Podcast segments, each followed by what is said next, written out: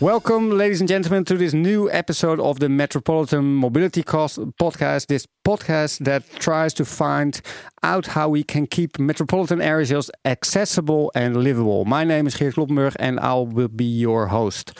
After approximately 17 years of experience with mobility questions, I'm now looking for interesting people who offer new insights in the world of mobility in metropolitan areas to interview for this podcast. In this podcast, we discussed one of the most exciting pilots on this moment the 14th Street pilot in Manhattan. We do this with Thomas Abdallah. I hope I pronounced your name right, Thomas. Deputy, yeah, thank you very much. Deputy Vice President and Chief Environmental Engineer of for MTA New York City Transit. Okay, for so far, Thomas, has this been the right uh, introduction or not? Absolutely. Uh, just shortly introduce yourself in three sentences. What do you do? Uh, I'm an engineer, a professor, and an author. So my, my day job for the last 32 and a half years is, uh, well, I'm an environmental engineer with MTA New York City Transit. That's the organization that runs the trains and buses in New York City. Uh, I was promoted to chief environmental engineer uh, in 2004, and then I became deputy vice president about four years ago. I also teach at Columbia University in the sustainability management um, graduate program yeah. uh, since 20, 2013 and uh, I wrote a book in 2017, or it was, uh, came out in 2017, called Sustainable Mass Transit. We're going to talk about this new pilot on the 14 streets with the bus. So you're responsible for all the buses in New York. Can we say it so shortly? Basically, you could say I'm in charge of the environmental impacts and mitigating them, reducing them, and uh, uh, eliminating them if possible. Okay, for, cool. Uh, transit. What's so new about this 14th Street downtown in Manhattan. What are you guys doing? Well, we've actually, uh, for the first time, cleared a, a major thoroughfare in Manhattan uh, with all cars except for emergency vehicles, and they are now uh, just for buses. Uh, we call it Select Bus Service, and they make about eight stops on 14th Street, and the speed has increased. Uh, the cars have been uh, diverted outside of the 14th Street, and it seems to be very successful. We've uh, added at least uh, 17% more ridership on the buses. And the weekends, it's actually even higher. Yeah. 30% more people. And just to go step by step, so what you did, you banned the private cars out of the street. You changed the lanes with paint towards yes. red special bus lines and truck lines. Is this okay yes. for so far? Yes, we have a specially painted lines. The uh, buses have a signal prioritization, so they can actually hold the um, green light when they are moving. So there's no there's no reason for the bus to ever stop except yeah. to pick up and drop off passengers. Uh, and we also include um, a off-board ticketing where people can buy their tickets, uh, more like a, a European thing, uh, which we're implementing here, where you you buy your ticket off the bus and then just get on the bus. And the results uh, of the change are that the the bus can go three times quicker through the streets, approximately. Yeah, um, approximately. There, you know, they do have to make stops, you know, each avenue, but yeah, the the the speed has increased tremendously. I could walk 14th Street faster when the cars were there than than the buses were moving. So now they're moving uh, actually more like a rapid transit operation. This pilot is going to last for one and a half years or two years. But how long was the time for this plan was implemented? Well, this is a long story.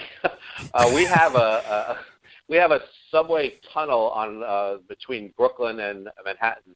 Yeah. Uh, that is uh, was supposed to close for about a 15 month period, and one of the mitigation measures while the train was going to be closed was to implement a busway on 14th Street. There was a change of plans, and they decided, okay, we're just going to close it on weekends and nights. So they didn't need the uh, bus mitigation plan. However, our sister agency, the Department of Transportation, uh, liked the idea so much that they said, you know what, we, let's try the busway anyway. We've, we've painted the road, so we might as well, uh, you know, utilize it. And yeah. uh, it was uh, it was contested there were people who who didn't want it and still didn't want it. Um, yeah, you know, I heard uh, there was like uh, court cases and uh, many yeah. delays and people trying to uh, yeah to yeah there were there were court cases and and uh, the uh, Department of Transportation prevailed to great success at the moment and it's such a success. There's talk about other major thoroughfares in Manhattan um, to uh, to implement. Yeah, that's exactly what I was thinking. It's like if you look at the street plan of New York and you think about it, just zoom out what the possibilities could be yeah. if you would do this on, let's say, 20 streets or are the plans already going that way?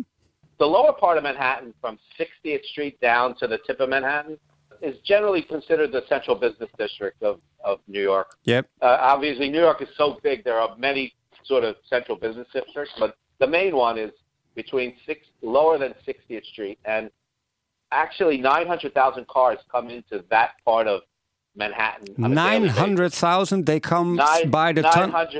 Yes, 900,000. How many yes. people approximately live in, like, say, Manhattan or even lower Manhattan? You know, my guess would be there's somewhere between a million and two million people living in Manhattan. Uh, and, that they already live there. And but here's the thing: everybody mostly travels to that central business district from the outer boroughs. Yep. So there's a, a lot of traffic coming in and you know, uh, there's also the reverse commute. A lot of people live in Manhattan that work in Brooklyn, Queens, New Jersey, and uh, uh, you know, uh, northern Manhattan and the Bronx. So there's a lot of traffic coming in. There's a lot of traffic coming out. There's a lot of traffic in New York City all the time. Yeah, and what I found so funny from this uh, 14th Street that the, the the only thing you invested in is in actual paint on the concrete, and then you suddenly get more people that can move from A to B. So the capacity yeah. of the lanes has increased as well. Oh yeah, actually, um, the, the more people that can take mass transit, you know, put people in multi-passenger vehicles uh, as opposed to each individual driving their own car. Yep. And you know, all these cars on the road, there are lots of cars on the road that were manufactured in the 90s, and their emission threshold levels are higher. So it's not only a, a CO2 thing, but and a climate thing, but it's also even uh, for the public health there that probably the emissions. How how bad or good are the emissions in downtown if you move with 900,000 cars every day in and out? Yeah. Like any major city, we have a lot of uh, pollution related to cars. But actually, New York City's larger polluting um, entities are our buildings. Uh, we are, you know, we have, you know, numerous buildings in, in Manhattan and high, you know, Empire State Building and the Freedom Tower. I mean, these, these we have buildings that are 100 stories big. So our actual city's pollution and greenhouse gas emissions is actually more 60, 65 percent uh, from the building. And in, to go back to this uh, 14th Street, let's say to go yes. very much into the pilot, is it allowed for uh, Uber or Lyft or taxis to drive on these special lanes for bus and truck? Because I did not see anything uh, for no. taxis. Is it allowed or not? No, taxis, Lyfts, Ubers are not allowed. Um, only ambulances, obviously, and people who I think there are some some residential uh, exemptions. You know, if you live there. And from the resistant uh, point of view, was the, the law cases, was it very much from residents that really wanted to park their car in front of their apartment, or was it from industry wise? Of where did all the resistance come from? The resistance came from residents uh, in the area, and I think it was twofold. I think you're correct. I think it was their own parking. They were worried about the side traffic on like 13th Street and 15th Street yeah. being uh, bottlenecked, which doesn't seem to appear to have happened.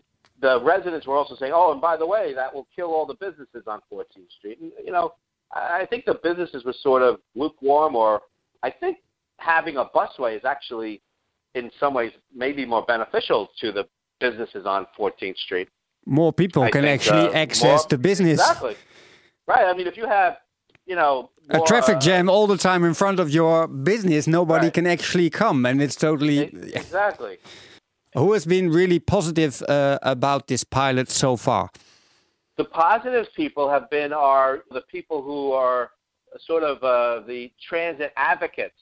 We have a lot of people who are interested in what we do in the city and so there's a, a nonprofits that look at our transit world and they are always commenting. The Regional Planning Association here in New York City, everyone's always looking at what we're doing. So I think a lot of the you know the advocate groups are very very especially the environmental ones and the ones that are pro commuters. Like the uh, we have the the Riders Alliance, uh, where yeah, but this yeah, I totally understand. This is like the NGOs and all the people, but the actual yeah. people that are sitting in the bus itself. What are the first reaction of the people and the truck drivers actually going on the 14th Street?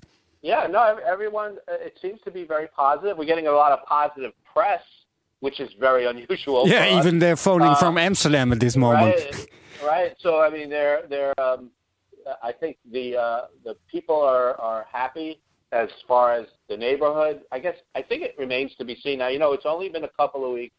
It's the fall. Let's see what goes on in the winter. You know, we have the holidays coming up. I, I always like to think of things. Look at something within a year and I think this pilot is going to be 18 months. So I think you got to go sort of go through the whole yeah. process. Let's take one side step. Has from the Uber or Lyft side, what has happened to the transit? Because we hear all the stories from San Francisco that the introduction of Uber and Lyft has actually increased the congestion within those cities. Does that happen in New York as well? What's what's the change of the companies yeah. Uber and Lyft are bringing to New York? The same the the uh, they have increased congestion in Manhattan because they're uh, driving around looking for uh, for rides. around, hitting, you know, then and I and our ridership uh, over the you know previous two or three years has dropped, and a lot of it is uh, uh, attributed to people you know uh, taking Uber and Lyft.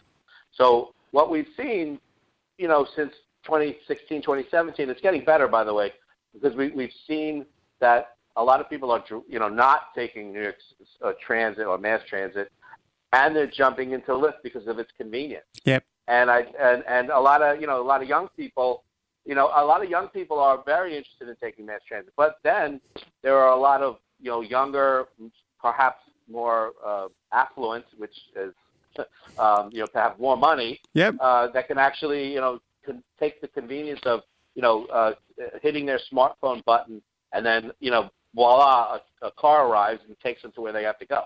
So I mean, there's a there's a convenience factor in Uber and Lyft, but I think again, I think with um, some policies, I know there are people would love to limit the amount of Ubers and Lyfts, like you know, sort of almost similar to uh, the amount of uh, medallion taxis. You know, they want to yeah, the amount of permits you give to taxis right, because right, otherwise right. they keep on driving through the cities all the time.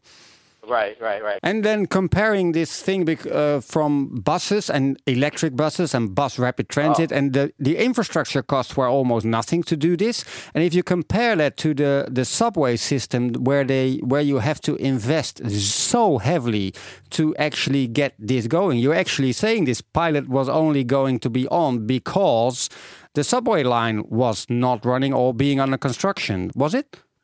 Right. That was the genesis of it. That was the that was what why they studied it. That's why they they you know uh, you know created the uh, the the the mitigation measure was because of the subway shutdown. Um, in- but as as far as electric buses are concerned, um, we are uh, MTA are uh, we have a, a, about ten. Uh, we have a, a new uh, uh, articulate articulated, which are like the buses that are bus bus and a half, like they're like one and a half times the normal size bus. Uh, we just received 15 or so new articulated buses, electric buses, and um, our uh, organization has promised to be a complete uh, electric bus uh, fleet by 2040. 2040. And, uh, so, and it means you you're you're running 4,400 buses through Manhattan yes. at this time. Yes, we have uh, our fleet has about 4,500 buses. How many uh, hybrid uh, vehicles yeah, are so in operation? We have 1,400 hybrid buses. Oh, that's a lot. That's uh, approximately one third. Yes. In Holland, uh, we've got a pretty yeah. good company called VDL. They're they're selling electric buses. I know they will be okay. happy that I mentioned this in the podcast. oh, good. All right, good. So so anyway, ma major cities have uh, mass transit like we do here in New York City. Uh, many cities have light rail. You know, Portland and Cleveland and and and other uh, cities have light rail train systems, but every city, every village, every town has a bus. A public bus transportation is where the largest amount of commuters actually take are, are actually buses. So the, there's a lot of competition for electric buses. A lot of uh, uh, agencies, mass transit agencies in Southern California are moving faster and have already started uh, have electric bus fleets. But actually, so that's one limiting factor. But the bigger one is the infrastructure. The charging infrastructure is certainly not in place right now. We need we we obviously need to ensure that there's enough electricity. Say, for instance, in a bus depot, you can only uh, plug in so many electric buses based on what kind of uh, electrical infrastructure yep. is in the area. Yeah, yeah. So that's a bigger, that's more of a city state process. In Paris, they are actually expanding their metro network, certainly to the outer areas of Paris. Of course, Paris is world famous for their metro lines, but they're actually going outside the periphery to the banlieue and they're expanding uh, for uh, loads of money uh, to actually get the people moving from more outside. How, what is New York doing in expanding their metro or subway uh, lines, or is it too expensive at this moment to actually do it? No, we're actually expanding. Uh, in the last decade, we've extended um, the Seven Line from the midtown of Manhattan to the west side of Manhattan. Uh, and in, increased the. Uh, uh, we actually created a whole new neighborhood called Hudson Yards, by extending the train out to where people will live. We've uh, imp- uh, expanded by uh, the Second Avenue subway line, uh, started uh, a, a four station line, and there's uh, plans in the works to extend that line along the Second Avenue, the east side of Manhattan, all the way up into the Bronx. So our expansion, I wouldn't. It's it's kind of like almost like uh, we're not expanding out, but we're adding in, if that makes any sense. So we're we're sort of uh, adding more capacity within the city. And, another yeah. question: Are you guys already working at the the world famous Paris network? Of course, that's running the line one is already running uh, totally by itself. It's a self driving metro, and it's already being operated yeah. within uh, from 1994 on, and it's going uh, every once every minute. So the uh-huh. the amount of vehicles that going onto the track are far and far more than if you've got drivers on. Is there any self-driving uh, metro line already now, there? I believe with our computer-based signaling system, we could actually ride uh, driverless trains. But this is New York City, so I think I don't see us doing any driverless uh, vehicles uh, anytime soon. Let's go on to another big, big issue in every town that is called congestion pricing. That's what London, of yeah. course, has got. That you pay around about ten pounds to go into the inner city. Uh, I think Singapore has got it, and Stockholm, just to go from my own uh, experience. Um, what I thought that New York had when I wanted to drive through the tunnel, I had to pay five dollars or ten dollars. So I thought there was already a kind of pricing when I wanted to go down in yeah. uh, to Manhattan. Is that still on, or did I do I make a mistake in my thoughts here?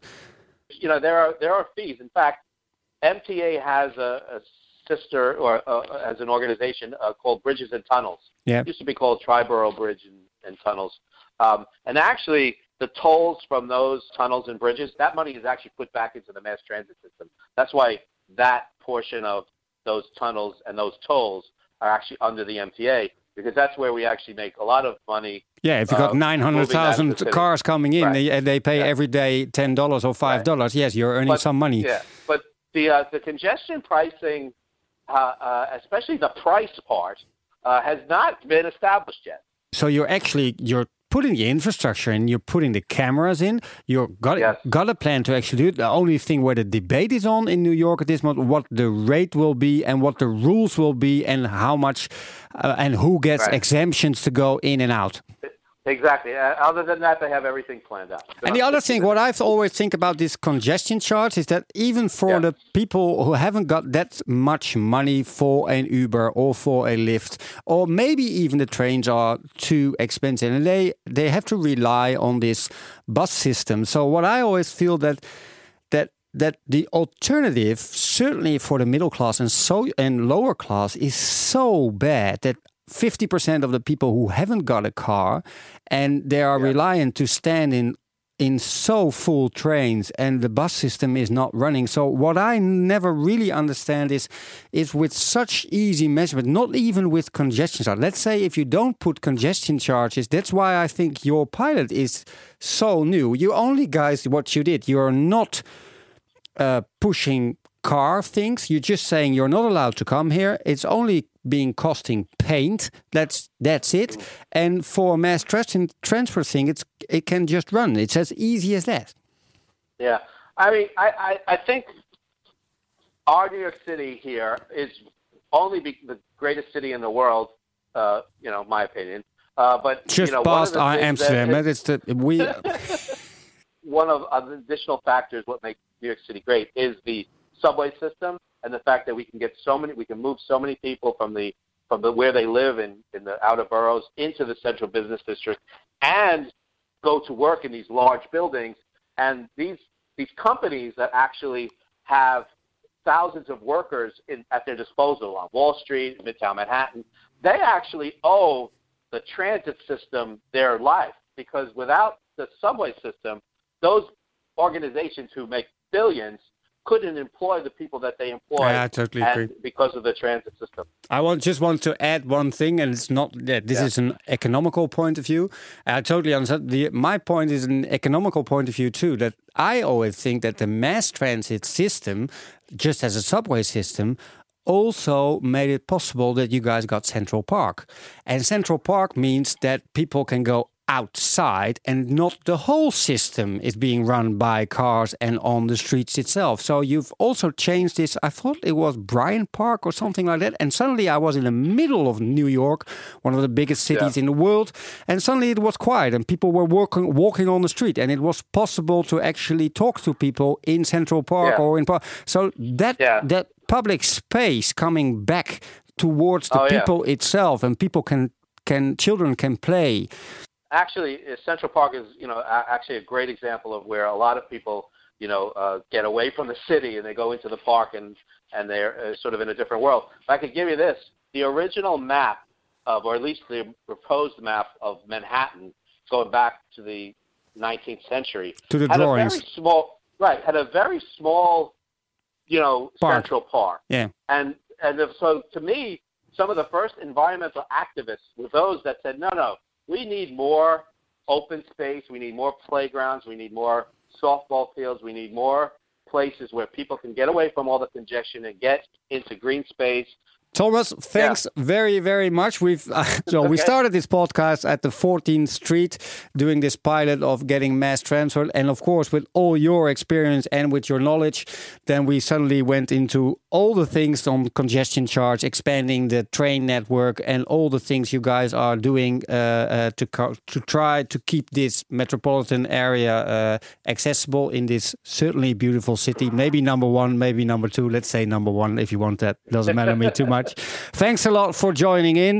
Um, oh, thank you. And for all the people that listen, and I hope to, uh, sorry, and I hope to speak to you maybe soon again, Thomas, if you've got something new going on in New York on this subject that we can uh, actually uh, get this whole metropolitan mobility podcast going that people can listen to different examples from all over the world uh, to get these areas more sustainable. Thank you for listening. Thanks, New York, Thomas, for coming in and hope to speak to you soon again. Thanks a lot.